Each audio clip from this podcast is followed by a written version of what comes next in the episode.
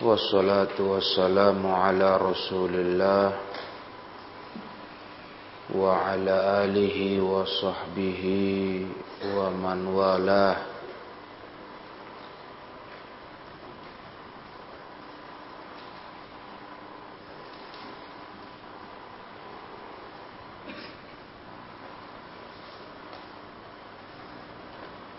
Kita mau melanjutkan tafsir ayat 37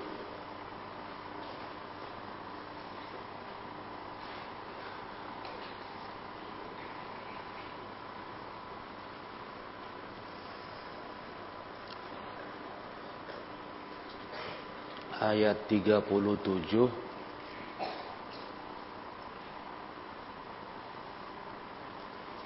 tentang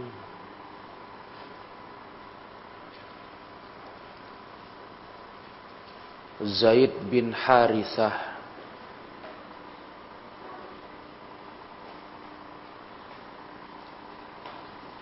Yang pernah diangkat anak oleh Rasulullah Sallallahu Alaihi Wasallam.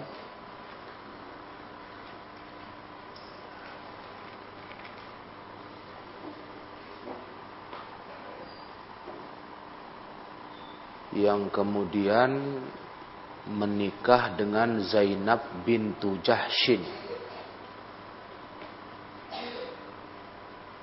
Anak bibi Rasulullah sallallahu alaihi wasallam.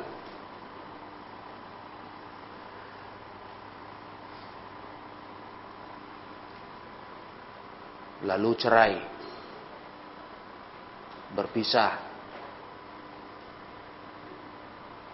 dan Allah tabaraka wa taala menikahkan Zainab dengan Rasulullah sallallahu alaihi wasallam.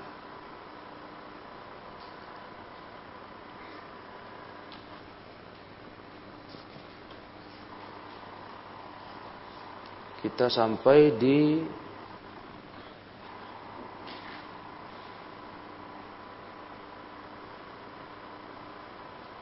wa innama fa'alna dzalika li faidatin 'azimah itu.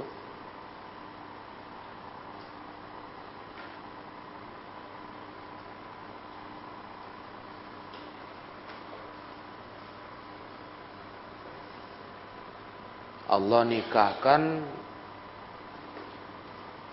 Zainab dengan Rasulullah. Zawwajnakaha Wa innama fa'alna dzalika li faidatin 'azimah. Kami lakukan itu karena ada faidah yang besar.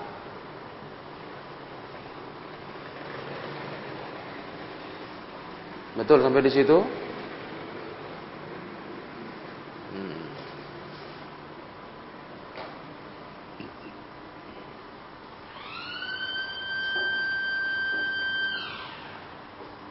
Rasulullah SAW waktu dimintai pendapat oleh Zaid,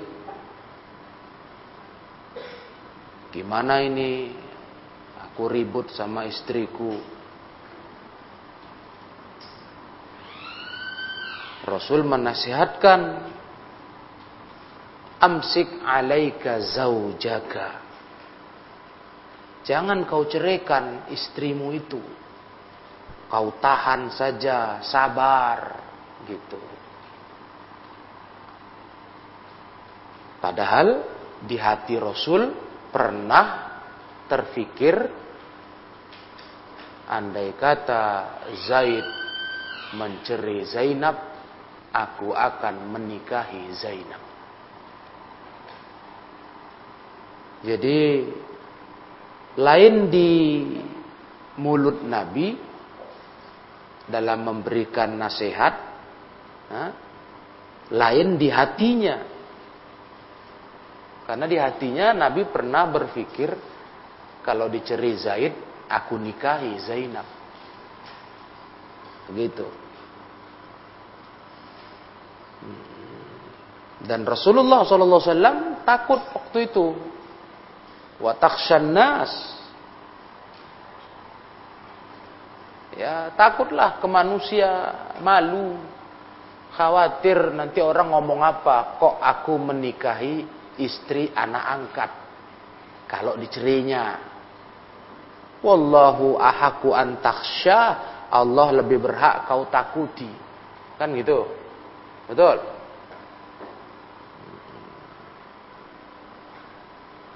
Ada satu yang mungkin belum kita kita dengarkan. Ayat sebelum ini ayat 36. Maka nali mu'minin wala mu'minatin idza qadallahu wa rasuluhu amron ayyakuna lahumul khiyaratu min amrihim. Itu. Itu ayat turun tentang Zainab juga itu. Karena waktu Rasulullah sallallahu alaihi wasallam melamar Zainab untuk Zaid. Untuk Zaid. Zaid kan mantan budak kan? Jangan lupa kalian. Mantan budak Nabi yang dibebaskan. Terus Nabi angkat jadi anak. Rasulullah melihat anak bibinya yaitu Zainab bintu Jahshin cocok ini kalau ku nikahkan sama Zaid. Jadi Rasul melamar melamarkan Zainab untuk siapa? Zaid. Waktu itu Zainab nggak mau, nggak suka gitu sama Zaid, karena Zaid satu mantan budak, sedangkan Zainab seorang yang dari keluarga terpandang, keluarga yang hebat, mulia. Itu yang paling inti. Karena Zainab bilang, aku nggak cocok lah sama dia, nggak nggak suka. Ya. Yang kedua memang nggak ada ketertarikan Zainab sama Zaid. Ketika itu turun ayat. Nah itulah ayat yang lalu. 36. Enggak pantas bagi orang beriman laki-laki dan perempuan. Kalau sudah Allah dan Rasulnya memutuskan satu perkara. Mereka pilih yang lain. Enggak boleh kayak gitu. Nah. Mendengar itu Zainab ngomong. Dengarnya ayat itu langsung Ya Rasulullah, aku siap kau nikahkan dengan Zaid. Padahal nggak cinta, nggak suka. Nah di situlah Rasul berpikir, nah, kata nanti Zaid menceraikan dia, aku nikahi dia. Karena dia patuh kepada perintah Allah. Dia nggak nurutin maunya Nah, padahal dia nggak suka sama Zaid, nggak suka. Tapi dia mau tunduk dengan pilihan itu karena turun ayat. Nah, jadi dia nggak mau lagi nolak. Ya sudah ya Rasulullah, kalau gitu kata ayat, aku mau. Padahal dia awalnya nggak mau. Akhirnya nikah. Nah, udah nikah itulah karena memang udah nggak cinta, ya kan? Nggak suka, dipaksa kayaknya gitu. Kalau kita sekarang gitulah. Nah, istilah orang kalau sekarang nikah paksa, nggak suka disodor dipaksa-paksa mau. Nah, itu kan nanti ribut rumah tangganya.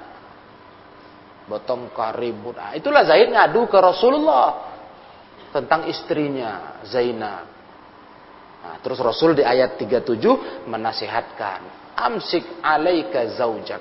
Kau tahan, jangan kau cerai istrimu. Padahal Rasul waktu itu berpikir kalau dicerainya kunikahi. Karena Rasulullah sangat kagum lihat Zainab yang patuh dengan ayat itu. Ya kasihan juga sebetulnya Rasulullah namanya nggak suka kok nikah. Tapi itu pula yang diputuskan Allah dan terupanya Allah Ta'ala menakdirkan perjalanan kejadian itu ada hikmah. Itulah hikmahnya. Apa yang kita pelajari kemarin? Dengan naik nikahnya Zaid dengan Zainab terus cerai terus Nabi dinikahkan Allah dengan Zainab. Apa hikmahnya? Menjadi hukum yang menunjukkan anak angkat beda sama anak kandung. Ya. Anak angkat istrinya bukan mahram sama ayah angkat. Ngerti? Nah, buktinya bukan mahram kalau anak angkat menikah sama perempuan lain, perempuan itu dicerainya, boleh ayahnya menikahi perempuan itu. Padahal kalau anak kandung boleh nggak? Anak kandung boleh nggak? Nggak boleh. Kalau anak kandung menikah, ayahnya, ayah si laki-laki dengan menantunya, yakni istri anaknya, itu mahram. Nggak boleh dia nikahi selamanya. Nggak boleh. Sama kayak seorang anak laki-laki, ayahnya punya istri beberapa orang. Nah, terus diceri ayahnya, istrinya itu. Anaknya boleh gak menikahi ibunya, ibu tirinya? Oh, udah cerai. Boleh? Tidak boleh. Haram sampai selamanya. Tahriman mu'abbada. Haram selamanya. Paham tuh? Tidak boleh. Bekas istri ayah kita itu haram selamanya. Mahram selamanya. Walaupun nanti ayah kita meninggal atau dia dicerai ayah kita haram selamanya. Nah, begitu pula menantu. Nah, menantu sama anak laki-lakimu punya istri, nah, istrinya itu mahram selamanya. Nah, jadi di situlah hukum Islam ini adilnya. Kejadian Nabi menikahkan Zainab dengan Zaid ada hikmah supaya terjadilah hukum itu Perjalanannya begitu. Habis nikah, cekcok, ribut. Karena nggak saling suka, nggak saling cinta, bertengkar, bertengkar, ribut. Akhirnya cerai. Habis cerai, dinikahi Allah dengan Rasulullah SAW, Zainabnya. Jadilah hukum Islam bahwa anak angkat bukan kayak anak kandung. Nah, istri anak angkat tidak mahram. Paham dong? Hmm. Itu. Jadi kalau ada anak, orang tua ngangkat anak dibesarkan dari bayi, dari bayi sampai dewasa sampai udah bisa nikah, dinikahkannya, carikan jodoh. Nikah. Nah, itu istrinya bukan mahram dengan dengan uh, ayah angkatnya. Jangan dia bilang, "Ah, ini kan istri anakku." Iya, tapi bukan anak kandung anak angkat. Mati anak kandungmu atau dia mencari istrinya, kau boleh nikahi dia. Orang dia memang wanita lain, nggak ada hubungan. Itu? Nah, itulah hikmahnya. Nah, Nah, jadi di sini faidahnya kita baca likaila yakuna 'alal mu'minina harajum fi azwaji ad'iyaihim haitsu Ra'auka tazawwajta Zaid zauja Zaid bin Harithah. Supaya nggak ada beban bagi para orang beriman tentang istri anak angkat mereka. nggak ada dosa kalau dinikahi, kalau udah mantan, udah dicerai. nggak dosa. Ketika mereka melihatmu menikah dengan istri Zaid bin Harithah, Alladzi kana min qablu yang yuntasabu ilaika yang dulu sebelumnya Zaid itu dinasabkan kepadamu. Waktu itu dulu Zaid sempat dipanggil Zaid bin Zaid bin Muhammad. Artinya sudah dikenal orang Arab, ini Zaid anak angkat Nabi. Sampai dikenal Zaid bin Muhammad. Baru dirubah Allah. Nggak boleh. Panggil dengan nama bapaknya. Zaid bin Harithah. Nggak boleh nama bapak angkat. Jadi kan itu kan di masyarakat yang dulunya mereka berpikir anak angkat tuh kayak anak kandung. Nah, begitu dilihat mereka Nabi menikahi Zainab bekas istri Zaid anak angkat Rasul, nah, mereka pun apa? Tahu oh boleh rupanya. Nah, itulah mau Allah. Jalan ceritanya begitu. Jadi mereka tahu, selama ini mereka nggak tahu. Di otak mereka selama ini orang-orang Arab itu istri anak angkat haram. Boleh dinikahi. Kalau diceri istri a, a, a, suaminya. Ternyata boleh. Mereka lihat Rasul. Yuh. Geger waktu itu heboh juga. Rasulullah menikahi Zainab. Zainab kan bekas istri Zaid. Anak angkatnya. Nah, itu maksud Allah. Ya. Yakuna 'alal mu'minina min fi azwaji adiyaihim aman fi ahwal. Ini semuanya ya supaya jangan ada dosa di istri anak angkat. Ini umum untuk segala kondisi. Wa kana ahwal ma la yajuz dzalik wa. Nah, segala kondisi istri anak angkat itu boleh dinikahi. Nah, tapi ada juga kondisi yang belum boleh. Apa itu syaratnya? Yang belum boleh yaitu qabla qida' wa tarihi minha qida dzalika biqaulih idza qadaw minhunna watara. Ah, itu yang nggak boleh lah.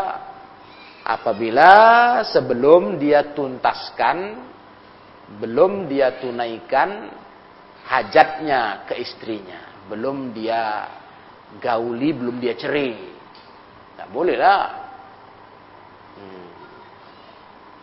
Itu nggak boleh. Misalnya gini loh, ada orang punya anak angkat, anak angkatnya nikah. Baru nikah, belum lagi berumah tangga kayak biasa, orang baru jadi, baru nikah. Udah disuruhnya ceraikan, aku mau nikah istri kau. Nah, itu nggak boleh. Dia harus dulu menikah, udah hubungan suami istri, baru dia cerai. Itu namanya ingkidok watorihi minha. Nah, itu syaratnya. Nah, jadi betul-betul jadi istri dulu bagi anak angkatnya. Ah, baru dicerainya, baru dinikahi ayah angkatnya boleh. Entong? Begitu Islam. Nah. Idza qadaw minhunna wa tara wa kana amrullahi maf'ula. Kalau udah dia tunaikan oleh para suami itu hajatnya ke istrinya dan itu urusan Allah yang berlaku. Aila budda min fi'li harus terjadi begitu betul-betul udah bekas anak angkat perempuan itu, bekas anak angkat, bekas istri. Kayak mana orang suami istri, nah gitu. Dicerai, nah baru bapaknya boleh nikahi perempuan itu. Nah, ada masalah itu di Islam. Karena memang anak angkat itu bukan anak kandung, itu intinya. Jangan orang bilang begini, loh, kok gitu kali sih Nabi? Masa nikahin perempuan bekas istri anak angkat. Tuh. Kenapa rupanya? Memang anak angkat tuh bukan siapa-siapamu. Anak angkat tuh anak orang kan? Coba dulu kalian tahu, kalian ingat ilmu lama. Ada hubungan darah sama bapak angkatnya? Ada, setetes pun nggak ada kan? Anak orang itu diambil, diangkat, dipungut, diambil, Nah, jadi anak anak kita gitu. Anak orang itu bapaknya lain, mamanya lain. Nah, jadi memang Islam ingin memberitahukan itu. Nah, sampai-sampai Nabi SAW dinikahkan Allah dengan Zainab. Iya, biar kalian. Nanti kita baca itu di bawah ada biasanya itu. Itu Zainab bintu Jahshin kalau kumpul sama istri-istri Nabi Masing-masing cerita-cerita tentang diri mereka dengan Rasulullah. Zainab satu yang dia banggakan. Yang bikin istri Nabi yang lain terdiam. Apa itu? Cuman akulah istri Nabi yang dinikahkan Allah dari langit. Kalian gak ada. Diam semua. Aku paling keren. Tidak gitu kan. Yang nikahkan aku Allah dari langit. Nah, kalau kalian nikah kalian siapa? Bapak kalian balik. Itu Zainab itu sampai ngomong begitu di depan istri yang lain. Bangga kali beliau dinikahkan Allah langsung dengan ayat. Paham dong? Nah itu. Jadi maksudnya itu bukan Nabi itu kayak nggak ada perempuan lain aja. Masa dinikahi bekas Zaid. Nah, itu maksudnya untuk menekankan hukum itu. Jadi kan istilahnya menyentak orang Arab itu kejadian itu, menyentak, mengejutkan. Ih, nah gitu kan? Ih, dinikahinya bekas istri anak angkatnya. Kan mengejutkan. Sehingga hukumnya kuat. Coba kalau Nabi cuma ngomong boleh boleh kalian nikahi istri anak angkat kalian kalau ada istrinya ah, nggak kuat itu. Tapi langsung Nabi buat. Nah, terkejut mereka. Uh, berarti anak angkat bukan siapa-siapa buktinya mantan istrinya boleh dinikahi Nah, itu hari ini harus begitu, harus tahu masyarakat nih. Jangan berani yang ngangkat anak, ngangkat anak aja. Kepengen punya anak, lama nggak punya anak, angkat anak. Boleh, angkatlah. Carilah anak-anak orang yang mau kalian urus. Ada karena maksudnya apa satu, sepi kali nggak punya anak udah lama, boleh ambil anak orang kau urus. Atau kata orang istilahnya mancing anak, ya kan? Nah, banyak juga itu berhasil tuh. Istilahnya mancing anak. Kalau ngangkat anak nanti dia punya anak juga sendiri.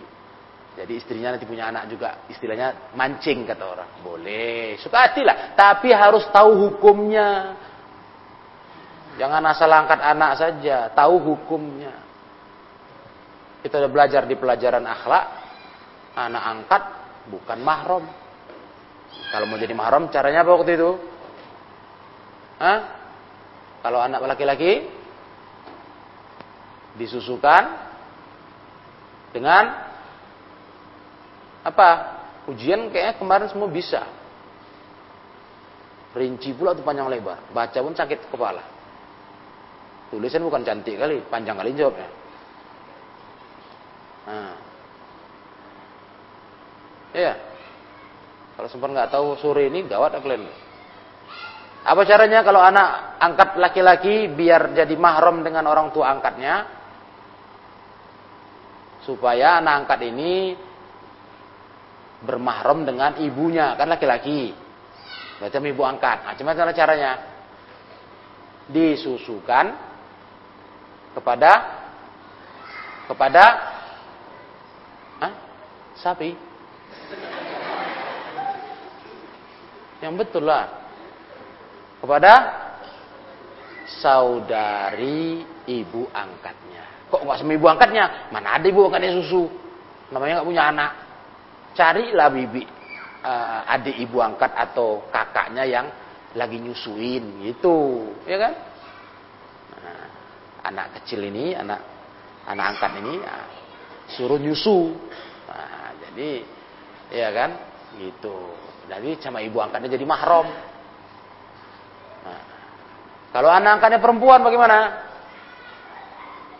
disusukan kepada saudari ayah angkatnya. Nah, jadi ayah angkatnya tengok punya kakak, adik enggak? Oh ada, punya adik lagi nyusuin anak kecil. Ah ini angkat anak angkat ini yang perempuan susukan ke perempuan ini adik ayahnya supaya ayahnya jadi mahramnya. Karena dengan menyusu itu anak anak yang menyusu dengan seorang ibu dia jadi mahram kayak mana anak kandung. Secara mahram, ya kan? Yuhramu minan minar rodoa, ma yuhramu minan nasab, kata Nabi.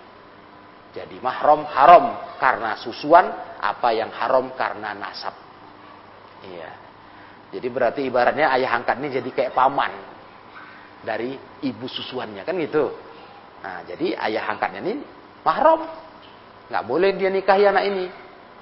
Karena dia udah nyusu sama adiknya atau kakaknya. Kan begitu. Harus tahu ilmunya. Nah, ya. Nah. Kemudian. Oh, berarti bentar dulu. Berarti kalau dari udah jadi mahram tadi kan, laki-laki dengan saudara ibu angkatnya, perempuan dengan saudara ayah angkatnya. Kan gitu. Nah, jadi kalau yang laki-laki tadi Kan dia biar mahram sama ibu angkatnya. Kalau sama ayah angkat nggak ada masalah. Laki-laki sama laki-laki mahram lah kan. Saya mau nikah laki-laki sama laki-laki. Nah, cuman sekarang udah anak ini me menyusu misalnya dengan ibu angkatnya, dengan saudara ibu angkatnya. Terus anak ini menikah. Menikah sama perempuan. Hmm. Habis nikah cerai. Bagaimana dengan ayah angkatnya? Sama menantunya, yakni istri anak angkat ini mahram nggak? Nggak mahram. Iya. Itu wanita lain itu. Karena anak ini hubungannya dengan ayahnya ini nggak ada apa-apa. Dia hubungannya dengan ibunya, ibu angkatnya, ya kan? Nah, dengan ayahnya nggak ada apa-apa. Sehingga istri daripada anak angkat ini, walaupun anak angkat ini sudah menyusu dengan ibu angkatnya, saudara ibu angkatnya, dia tetap tidak mahram. Artinya tidak e, menantunya itu tidak mahram. Nah, jangan terus kayak menantu kandung. Udah, udah menantu kandung ini udah udah kayak menantu kandung. Udah di rumah tidur di rumah semua bebas, nggak jaga uh, pakaian aurat. Oh, nggak bisa. Itu nggak mahrammu. Gitu ya. Toyib. Sekarang Aila budda min fi'li wala a'iq wala wala mani. Ya enggak ada sudah. Enggak ada pencegahnya, enggak ada melarang untuk dia dilakukan perbuatan itu. Maf'ula harus terjadi. Wa fi hadhil ayatil mustamilati ala hadhil qissah fawaid. Maka di ayat-ayat ini yang mencakup kisah ini ada beberapa faidah. Nah, apa faedahnya? Ada disimpulkan oleh Syekh faedah-faedahnya. Minha di antaranya Sana astana ala Zaid bin Haritha. Pujian kepada Zaid bin Haritha. Ayat ini berisi pujian kepada Zaid bin Haritha. Wadhalika min wajhaini. Yaitu dari dua sisi. Ahaduhuma. Salah satunya. Allah sammahu fil Quran. Walam yusammi lahu minas sahabati bismihi ghairah. Ah. Salah satunya Zaid itu namanya disebut Allah di Quran. Tak ada pernah seorang sahabat pun disebut Allah selain Zaid namanya. Itulah hebatnya Zaid. Falamma qada Zaidun watara. Disebut nama Zaid di Quran. Tak ada seorang sahabat pun disebut begitu oleh Allah di Quran. Itulah hebatnya Zaid. Nah. Kemudian wasani Allah akhbara annahu an'ama alaihi ay bi ni'matil iman wal Islam. Yang kedua Allah mengkabarkan Allah memberikan nikmat kepadanya kepada siapa? Kepada Zaid, yaitu nikmat Islam dan iman. Nah, coba bayangkan dulu. Allah yang bersaksi Allah beri dia nikmat. Itu ayat yang di atas tuh kalian baca. Nah, Allah beri nikmat kepadanya. Nikmat iman dan Islam. Berarti Zaid direkomendasi Allah. Dia hebat. Ya, persaksian dari Allah. Nah, Wahadihi syahadatum minallahi lahu annahu muslimun mu'minun zahiran wa. Ini persaksian dari Allah bahwa Zaid itu memang seorang muslim mukmin zahir batin. Oh, masya Allah. Tazkiyah, rekomendasi. Langsung Allah yang menjamin. Allah beri dia nikmat, nikmat Islam dan iman. Berarti Zaid ini orang yang udah pasti beriman, pasti muslim, pasti mukmin, zahir batin. Ini faedah pertama, keistimewaan Zaid. Namanya disebut di Al-Quran, dan dialah yang dipersaksikan Allah dengan nikmat iman dan Islam. Wa illa fala wajha bin ni'mah. Karena kalau tidak seperti itu, nggak ada sisi untuk dikhususkan dia dengan nikmat. Laula annal murada minha biha an nikmatul khassah. Kalaulah bukan nikmat yang dimaksud dengannya nikmat khusus. yakni nikmat Islam. Nikmat iman. Nah, nggak ada sisi pengkhususan kalau bukan karena itu. Ya kalau di, kalau maksudnya Allah beri nikmat kepadanya, nikmat hidup ini ya semua orang dapat. Banyak orang punya nikmat, tapi nikmat iman dan Islam nggak semua orang dapat. Makanya diartikan oleh ulama, nikmat yang Allah maksud di sini untuk Zaid, nikmat Islam dan iman. Khusus persaksian dari Allah untuknya. Kemudian meminha faedah berikutnya anal mu'taq fi nikmatil mu'tik orang yang dibebaskan itu berada dalam nikmat orang yang membebaskan. Siapa itu? Al-Mu'taq. Zaid. Zaid yang dibebaskan. Al-Mu'tik Rasul yang membebaskan. Memang orang yang dibebaskan itu dia berutang jasa sama yang membebaskan. Makanya Zaid kemudian jadi pelayan Rasul, anak angkat Rasul diangkat hmm. karena dia ada jasa Rasul kepadanya dari budak dibebaskan. Al-mu'taq fi nikmatil mu'tik. Wa min hajawazu tazawuji zaujatid da'i. Faedah berikutnya boleh menikahi istri anak angkat kama sarrahabi sebagaimana Allah tegaskan. Boleh. Karena istri anak angkat tidak mahram. Boleh. Nah. Wa minha anna ta'lim al-fi'li ablaq min al-qawli khususan. Faedah berikutnya, Bahwasanya pengajaran secara perbuatan lebih mendalam daripada secara ucapan. Secara khusus begitu. Kan Nabi langsung berbuat. Nah, itu lebih mengena, lebih gigit kata kita. Lebih dalam pengaruhnya, kesannya daripada sekedar Nabi sabdakan. Kalau cuma Nabi bilang, boleh kalian nikahi bekas istri angkat. Nggak begitu kuat. Apa namanya? Uh, men menempel di kepala mereka tapi begitu Rasul berbuat, nah, teringat kali mereka. Ih, Rasul menikahi anak angkat, istri anak angkatnya. Jadi pengajaran secara perbuatan lebih menggigit, lebih kuat daripada secara ucapan. Makanya dalam Islam kita disuruh apa? Kalau kita mau jadi pemimpin yang baik,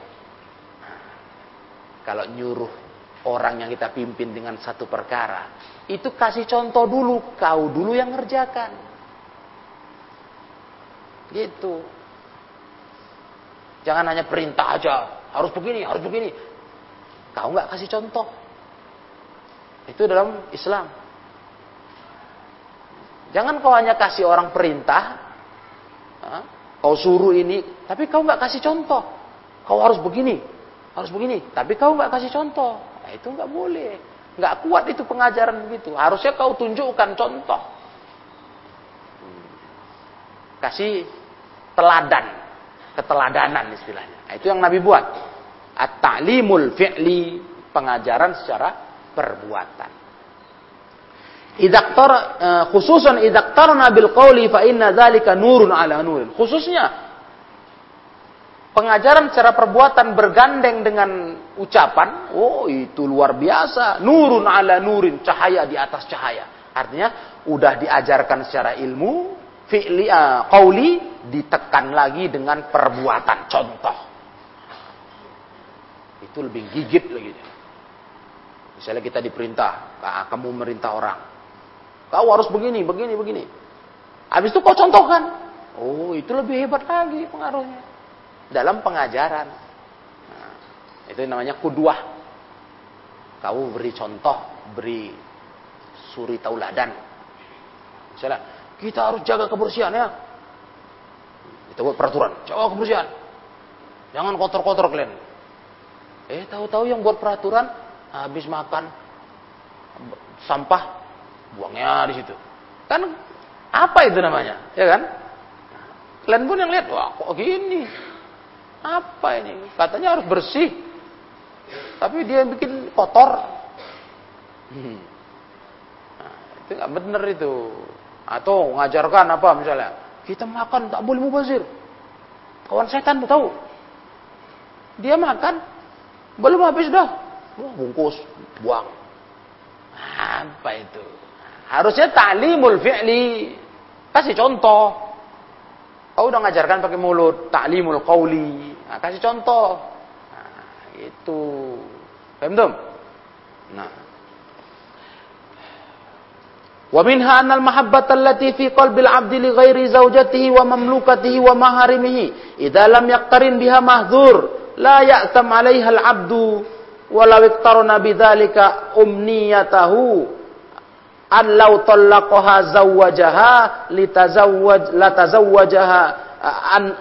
law talaqaha zawjaha la tazawwajaha min ghairi ayas'a fi firqatin bainahuma.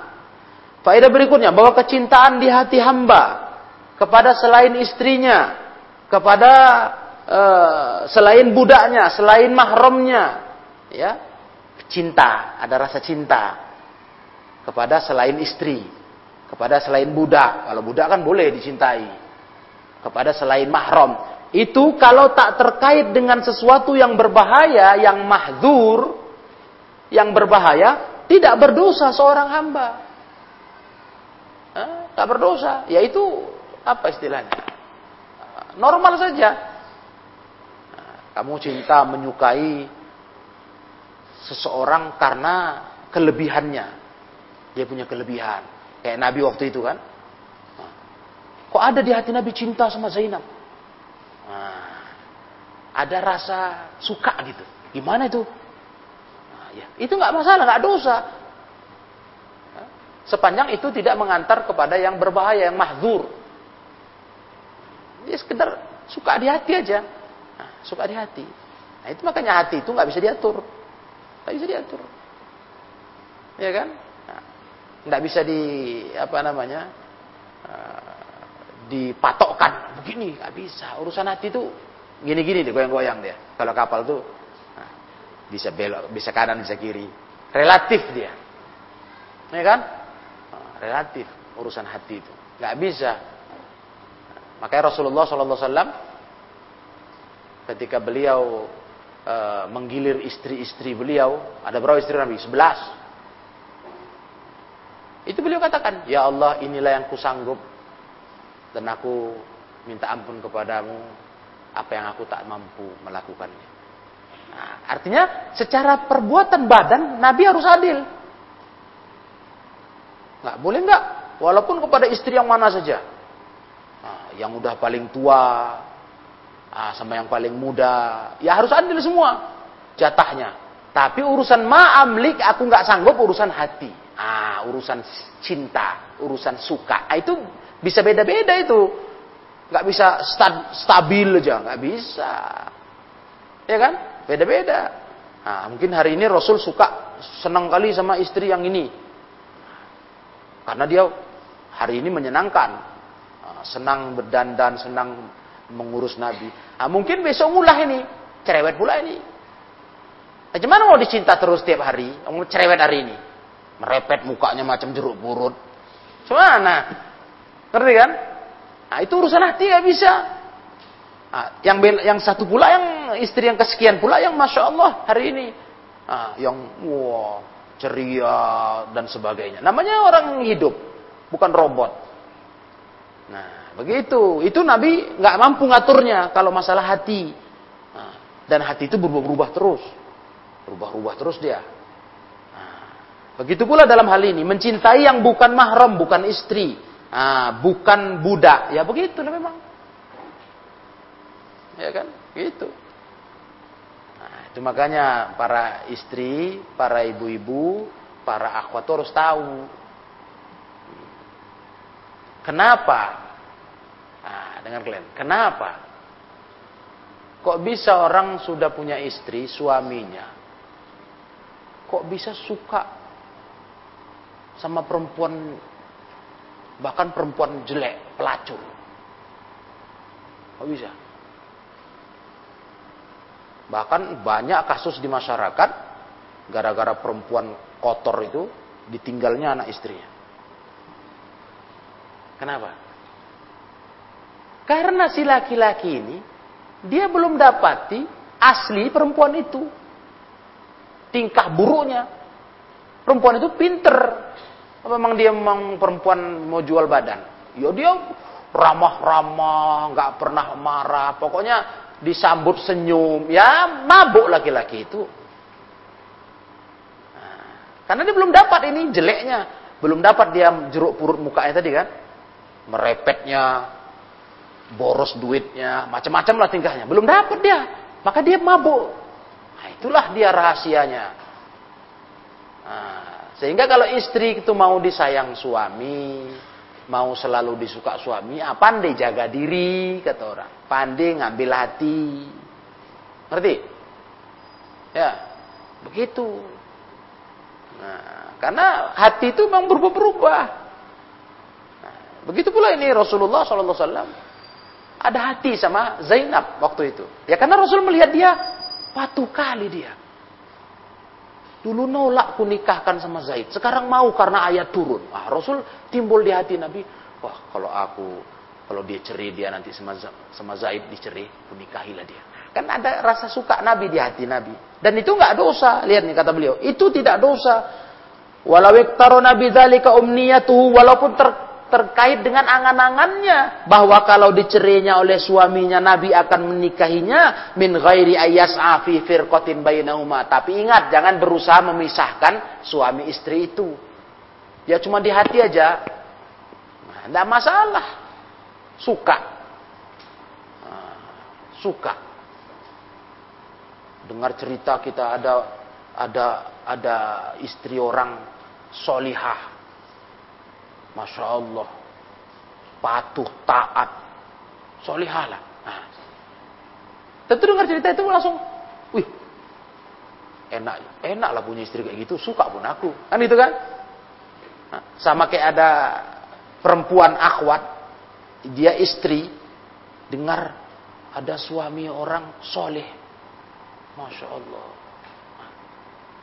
Terus terbetilah kekaguman di hatinya, rasa suka. Wih, seneng kali lah kalau punya suami kayak gitu. Suka pun aku. Gitu. Ah, itu nggak dosa. Nggak bisa dibilang dosa itu. Itu normal. Ah, ya kan? Asal jangan terus berharap. Ah, mudah-mudahan cerai lah sama bininya. Gitu. Sama kalau si laki-laki, mudah-mudahan cerai dia sama suaminya.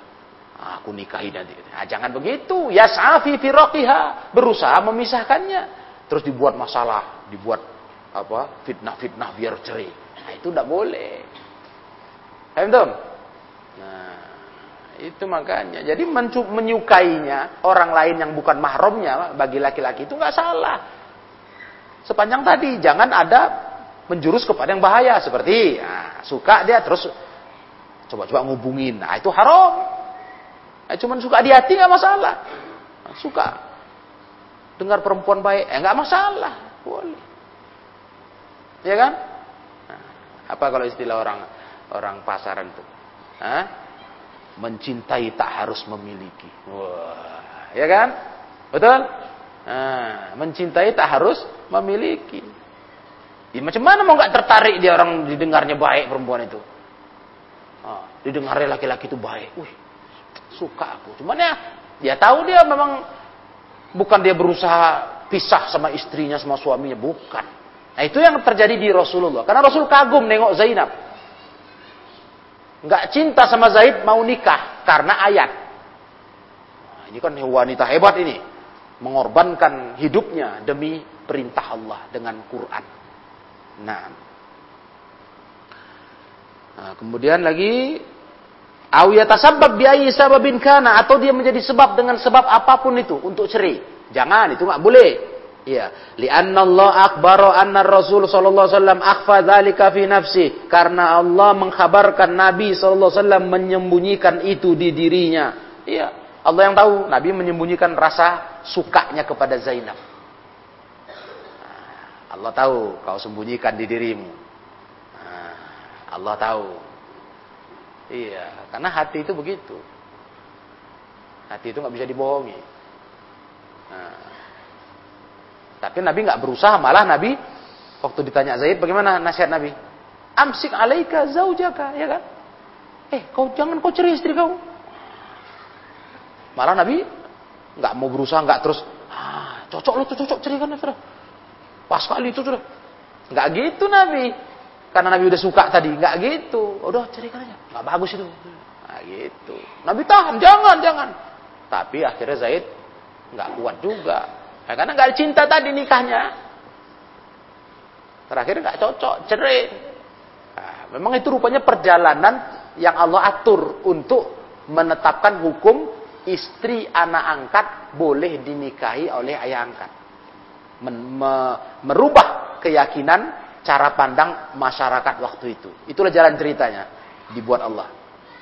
Nah, dengan cara menikahlah Zaid dengan Zainab tanpa cinta. Nah, Zainab patuh dinikahkan karena Allah sampailah cerai sampai nikah sama Nabi. Itu rupanya maksud Allah meletakkan hukum. Nah, nah kemudian waminha anna anna Rasul sallallahu alaihi wasallam qad mubin Nabi sallallahu alaihi wasallam sudah menyampaikan dengan keterangan dengan penyampaian yang nyata. Falam yada syai'an mimma uhiya ilaihi wa illa ballagha. Nabi enggak tinggalkan satu pun yang diwahyukan kepadanya kecuali Nabi sampaikan hatta hadzal amr sampai urusan ini alladzi fihi itabu dan ini ada ada celah, ada celah untuk Nabi. Kan seakan-akan begitu. Ih, Nabi kok malah di hatinya ada suka sama istri anak angkat. Nah, kan itu kan? Istri orang. Nah. Kan itap itu namanya celah harusnya. Tapi Nabi sampaikan. Nah, karena itu amanah. Mesti Nabi sembunyikan. Eh, ketahuan lagu nih. Ketahuan lagu. Aku ada mau sama istrian angkat. Enggak, Nabi sampaikan ayat ini. Walaupun di situ istilahnya Nabi yang terpojok. Secara perasaan kan orang akan berpikir gitu. Ih, Nabi masaan masaan punya hati sama istri anak sendiri. Nah, ngerti kalian? Nah, itulah Islam. Nabi itu betul-betul nyampaikan secara sempurna. Walaupun yang urusannya menyangkut dirinya. Jadi kayak celah. Kayak dinilai jelek lah sama masyarakat. Gak peduli Nabi. Sampaikan. Itu amanah. Nah. Wahadha dulu ala anna Rasulullah. Ini menunjukkan bahwa Rasulullah. La yakulu illa ma uhya ilaihi wa la yuridu ta'zima nafsi. Nabi itu tidak menyam, tidak berkata kecuali apa yang diwahyukan kepadanya. Nabi tidak menginginkan untuk diagungkan dirinya. Nah, Nabi nggak mau tujuan itu menyampaikan agama, hanya untuk amanah saja. Nggak cari nama, cari hebat-hebatan, enggak. Walaupun ayat ini sama sebenarnya membuat Nabi agak apa di sini sin orang ya kan. Masuk semua istri istri anak angkat punya hati. Nah, itu nggak apa-apa, Nabi ceritakan aja. Karena amanah. Itu menunjukkan Nabi itu amanah, walaupun perkara-perkara yang sifatnya mengenai dirinya. Dan itu ada ayat lain kan? Ayat yang menegur Nabi abasa wa tawalla ya. Nah, marah Allah Nabi muka masam. Ya Nabi sampaikan aja. Gitu. Itu Nabi amanah. Nah, balagul mubin. Nah, Kemudian wa minha anal mustashar mu'taman yajibu alaihi idza stushira fi amrin minal umur ay yushira bima ya'lamu aslaha lil mustashir walau kana lahu hadzu hadzu nafsin. Nah, faedah berikutnya, orang yang mustasyar dimintai pendapat, diajak musyawarah, harus orang yang mu'taman, orang terpercaya. Makanya kalian kalau ada masalah, curhat, Cari orang terpercaya. Bukan yang penting ada kawan cakap. Lepas beban hati. Enggak begitu. Cari orang yang terpercaya. Ya, ini dia mustasyarnya. Nah, Yajibu alaihi yang wajib atas yang diajak bicara idza stusyira fi amrin minal umur. Kalau diajak musyawarah dalam satu perkara ayusyira bima ya'lamuhu aslaha lil mustasyir dia harus menyampaikan yang dia tahu yang terbaiknya untuk orang yang diajak musyawarah. Yang ngajak musyawarah. Mustasyir ngajak musyawarah. Mustasyar yang diajak. Siapa di sini mustasyar di kasus Nabi sama Zaid yang diajak musyawarah siapa? Rasul, ya. Yang mengajak musyawarah Zaid. Jadi masalah-masalah besar di hidup ini jangan asal ngajak orang cakap, asal ngomong. Ini kelakuan banyak orang sekarang. Ribut dia sama istrinya, bertengkar. Semua kawan yang dia kenal diajak cakap. Apa itu? Ribut sama istri, semua kawan yang dia kenal diajak cakap. Diceritakannya, istriku begini, begini, bagaimana menurutmu? Loh, yang kau ajak cakap itu siapa? Apakah dia orang yang tahu menyelesaikannya? Hah? Hei suami-suami. Kau ceritakan istri kau sama orang lain yang dia nggak bisa menyelesaikan. Jadi dia tahu aib istri kau. Atau para istri, ibu-ibu, Masalah sama suaminya ribut. Semua orang yang dia kenal, kawan-kawan duduk, dia ceritakannya. Suamiku begini, suamiku begitu. Loh, ada apa ini?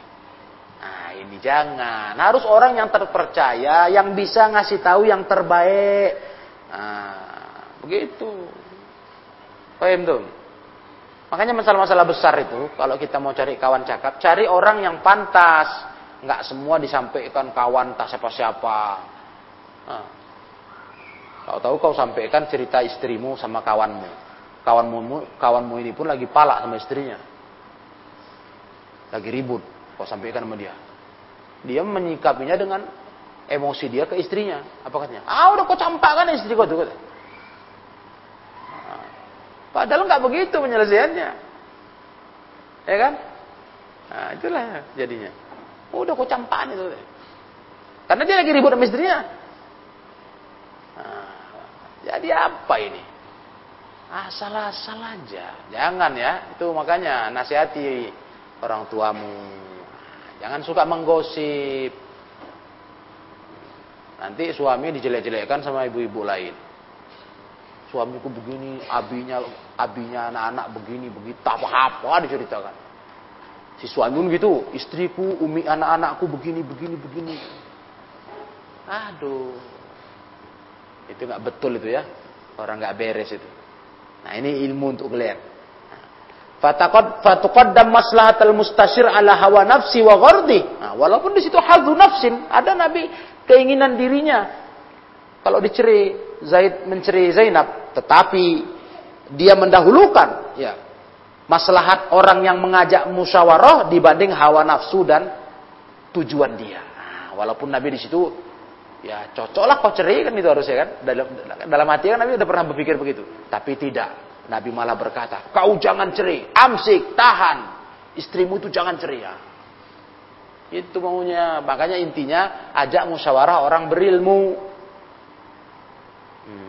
Jangan ajak, asal ajak kawan cakap. Semua kawan yang kenal ngobrol, di, dibongkar rahasia rumah tangga. Semua dibongkar. Asal ngobrol aja. Jangan, ya. Ingat eh para suami-suami bilang, yang kau ceritakan itu siapa? Itu istrimu, bajumu, ibu anak-anakmu. Eh suami-suami, bilang gitu. Yang kau ceritakan itu, itu istrimu, bajumu. Kan istri kayak baju kata Rasul kan. Hunna libasul lakum. Wa antum libasul lahun. Itu bajumu, istri itu. Ibu anak-anakmu. Hei para istri, yang kau ceritakan suamimu di depan ibu-ibu lain itu, itu bajumu, itu ayah anak-anakmu. Kok sanggup kau jelek-jelekkan dia depan orang banyak? Nah, ingat itu ayah anak-anakmu. Nah, iya kan? Itu bajumu. Kayak mana baju? Ada nggak orang normal mencaci maki baju sendiri? Ada? Hah? Ada nggak? Nggak ada kan? Dibela-bela ada banyak. Kalau bajunya udah udah gimana dibela-belanya. Kan dia masih pakai. Kan gitu. Mana ada orang pakai baju terus bajunya dicaci makinya, baju baju sampah ini. Baju karnap ini. Mana ada orang normal. Namanya baju kita ya, kita kita jagalah, kita bela. Nah, begitu harusnya. Makanya kalau akhwat ini yang sering dekat ibu-ibu. Kalau ada ibu-ibu cerita suaminya sama kawan yang ngobrol. Kalian jauh-jauh itu udah ibu-ibu udah nggak bener itu. Bukan malah nguping, macam mana kabar suaminya? Ah, gimana? Jangan pergi jijik kalian ah, ini ibu ini nggak beres ini. Masa suami diceritakan sama umat lain? Pergi terus. Gak bener nih. Biar kalian tahu besok punya suami jangan begitu. Ya. Nah, atau kalian santri-santri laki-laki dengar bapak-bapak cakap sama yang lain cerita tentang istrinya. Kalian jauh-jauh ini bapak ini nggak beres ini. Nah, bila perlu kalian bilangin dia, udah nggak ngobrol lagi bilang, bu, bu, nggak boleh di Islam tuh bu. Kalau mau cari solusi itu bukan semua semua orang kau ceritakan masalahmu. Afan bu ya bilang, aku belum nikah, cuman aku bisa ngasih nasihat. Ah, begini kalian. Iya, biar diem dia, biar temenung dia. Uh, salah aku ya Iya gitu. Ya aku dia bilang, om om bilang. Ya, tidak boleh tuh om bilang. Kan suami om itu ayah anak-anak. Yang om ajak cakap tadi apakah dia orang yang bisa ngasih nasihat? Kan om ya bilang, aku masih gadis belum nikah, cuma aku bisa ngasih nasihat. Dah pergi. Itu aja. Sekali-sekali disental gitu. Karena banyak kali mulai tengok kelakuan itu. Isi rumah, isi perutnya dimuntah-muntahkan di mana-mana istilah orang, ya kan? Kan isi perut namanya. Isi rumah tangga isi perut, dimuntah-muntahkan ke mana-mana. Wow, wow, wow. Lu, lu, lu. Ngabur nih. Boleh kau cari solusi curhat sama siapa? Tengok orangnya mustasyar, tengok orangnya yang muktaman. Ya, mustasyarnya harus yang terpercaya. Gitu. Paham ini ya? Wa minha anna minar ra'yil hasan liman istasyara fi firaqi zaujati ayyumar bi imsakiha mahma amkan salahal hal. Termasuk daripada pemikiran yang baik bagi orang yang minta yang mi, ber, bermusyawarah tentang cerai sama istrinya harus dia suruh menahannya itu yang baik. Nah, semung, sebisa mungkin. Sebisa mungkin mahma amkan ya salahal hal. Sebisa mungkin yang bisa baiklah kondisinya. Pokoknya nasihati dulu. Kalau ada orang minta pendapat masalah ceri, eh jangan. Jangan langsung, ah, sudah, ceri. Jangan. Sebentar. Nah, gitu. Makanya itu cara pikir ini dipakai di pengadilan agama. Di, di kita, pengadilan agama, undang-undang negara. Itu kalau kalian nanti tengok orang mau ceri, lapor ke pengadilan agama, itu pengadilan agama yang pertama mereka buat apa? Menasehati supaya jangan cerai. Itu dulu.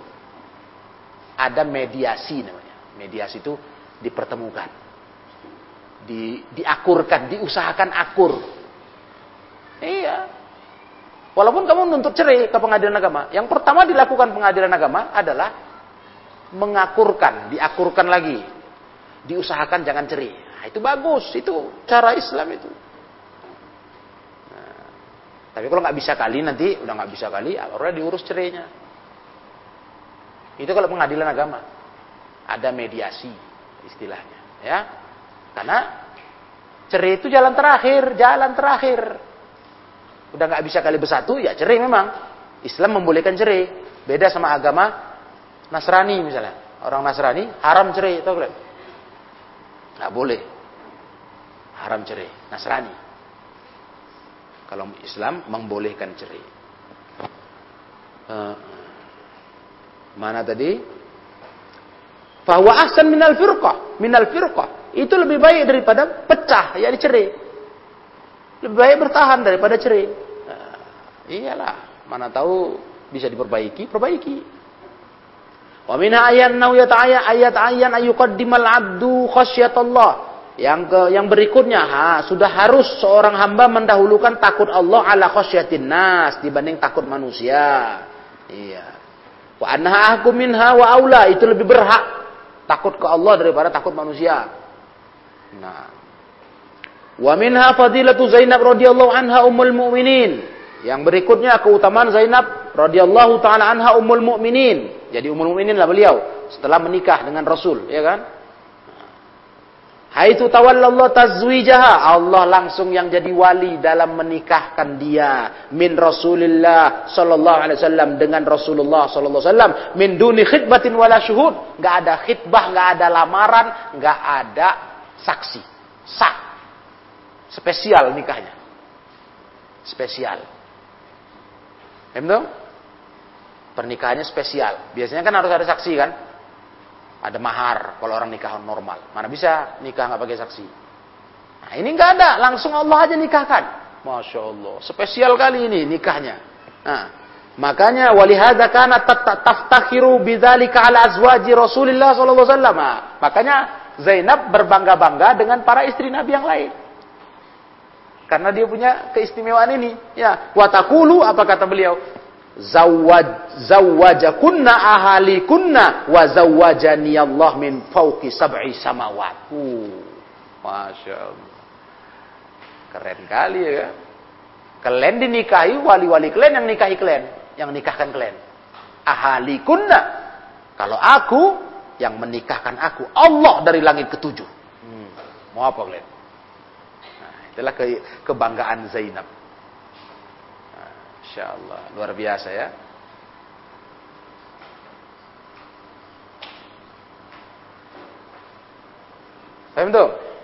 Itulah Zainab bintu Jahshin. Nah, wa minha di antaranya lagi, annal mar'ata idza kanat dza zaujin la yajuzu nikahuha. Faedah berikutnya, namanya perempuan itu kalau punya suami nggak boleh dinikahi. Ya namanya masih punya suami. Nggak boleh kalau dia mau mau nikah sama orang lain cerai dulu, ya kan? Wala sa'ya fihi dan tidak pula berusaha untuk itu. Iya, nggak boleh usaha untuk nikah. Nggak boleh untuk menjalani sebab-sebab menikah, nggak boleh. makanya wanita ini, ya itulah ya. Kalau udah wanita namanya, dengar Glenn ya. Kalau wanita punya suami, itu normalnya dia nggak mau tertarik laki-laki lain. Itu normalnya laki perempuan. Ya, fitrahnya begitu. Ya. Dia nggak tertarik sama laki-laki lain. Makanya kalau ada perempuan punya suami tertarik sama laki-laki lain, ini parah ini, perempuan parah. Menggatal kata orang ya kan? Istilah orang kan? Perempuan menggatal. Nah. Kenapa? Karena wanita itu dia kalau punya suami cukup sama dia suami itu. Dia nggak nggak nggak macam-macam pikirannya. Kalau ada perempuan punya suami tapi terus uh, laki-laki lain, malah main belakang istilah orang kan, nah, chattingan enggak enggak, ah ini perempuan kotor ini nggak beres ini, nggak boleh, iya nggak boleh. Loh, laki-laki kok boleh? Nanti perempuan protes. Laki-laki kok boleh? Karena Allah yang tahu. Makanya laki-laki itu dikasih Allah selain Rasul ya, izinnya empat istri. Kalau Rasul banyak. Kalau laki-laki lain empat istri. Karena fitrah laki-laki begitu. Nah, itu fitrah laki-laki. Iya. Kalau perempuan enggak, kalau perempuan suka ada lebih satu laki-laki, itu aneh, itu udah udah parah itu. Heng otaknya udah. Nah, gitu. Iya, kalau laki-laki enggak. Memang begitulah laki-laki. Nah, karena laki-laki itu pemimpin bagi perempuan dan dia dikasih Allah hak memimpin empat istri. Nah, Allah yang tahulah hambanya. Kan ini hukum Allah.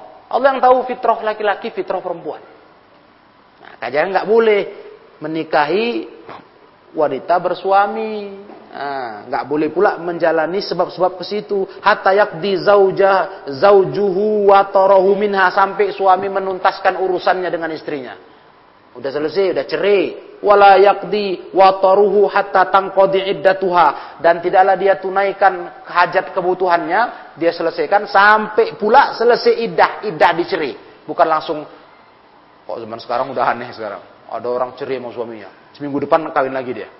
Lu. Idahnya itu wanita dicerai suami itu adalah tiga kali haid atau tiga kali suci atau tiga bulan lah katakan. Ah, harus begitu. Idah dulu. Baru boleh nikah lagi perempuan ini. Kalau lagi hamil, dicerai boleh nggak wanita hamil dicerai? Boleh. Yang nggak boleh lagi haid. Nah, lagi hamil diceri boleh? Boleh. Nah, kapan nidah wanita hamil? Melahirkan. Baru dia boleh nikah sama laki-laki lain. Begitu Islam. Iya. Nah, karena kalau belum selesai, uh, belum tuntas idah itu, uh, fahyahi fi ismati au fi haqqihi alladhi lahu watarun 'alaiha ilaiha walau kana min ba'dil wujuh. Nah, kalau udah dia belum selesai idahnya itu, dia masih dalam tanggungan suami wanita yang cerai dengan suami kan masih dalam masa idah itu nggak boleh di Bahkan disindir-sindir nggak boleh. Karena masih dia tanggungan suami, milik suami. Sampai habis masa iddah. Barulah dia lepas. Itu Islam. Islam begitu. Ada suami istri tegar, cerai. Ku cerai kau katanya. Itu bukan terus suaminya, eh, istrinya udah bebas. Enggak, tunggu dulu masa iddah. Karena selama masa iddah, dia masih hak suami. Fi ismati. Masih hak suami. Nah, bisa dirujuk kapan saja, ya kan? Itu kalau wanita diceri. Nah, tapi kalau wanita udah ceri talak tiga, ah, udah talak tiga, talak bain. Nah itu kenapa harus juga selesai masa iddah? Walaupun suaminya udah nggak bisa lagi. Ya untuk membersihkan istibro. Istibro itu membersihkan rahim. Memastikan nggak ada anak suami lama di situ. Nah, udah bersih rahimnya, udah tiga kali haid, nah, itu namanya istibro. Nah, tapi kalau dia masih talak satu talak dua itu hak suaminya kalau belum tiga, tiga kali haid karena suaminya masih berhak merujuknya kapan saja nah begitulah faedah-faedah yang diringkaskan oleh Syekh As-Sa'di rahimahullah dalam pelajaran ayat 37 dari surah Al-Ahzab. Nah. Jadi ini ayatnya kaitan erat sama yang 36 ya. 36 awal kejadian. Awal kejadian Zainab mau menikah dengan Zaid. Di situlah muncul di hati Nabi karena melihat dia ter, seperti terpaksa gitu. Cuman dia mengalahkan nafsunya, tunduk dia kepada perintah Allah di ayat 36. Nah, ibu pikir kalau aku nanti diceri Zaid, aku nikahilah dia nih. Nah, ya karena gimana nggak kagum lihat pribadi Zainab. Dia wanita mulia. Zaid budak, mantan budak. Mau dia nikah. Gara-gara turun ayat. Dia patuh sama Allah. Makanya Allah balas dengan apa? Allah balas dengan apa? Kepatuhannya nikah pertama dengan Zaid. Allah balas dengan Allah jadi walinya ketika dia menikah dengan Rasulullah. Nggak pakai lamaran, nggak pakai saksi, langsung dari langit sana turun ayat zawajnakaha kata Allah. Kami nikahkan kau dengan dia. Sah. Nah, makanya bangga kali Zainab ya. Aku satu-satunya istri yang dinikahkan Allah dari langit tujuh di atas langit tujuh langit sana. Langsung dari atas langit yang ketujuh Allah nikahkan aku. Masya Allah. Nah, habislah sudah pelajaran kita dalam tafsir ayat 37. Selesai.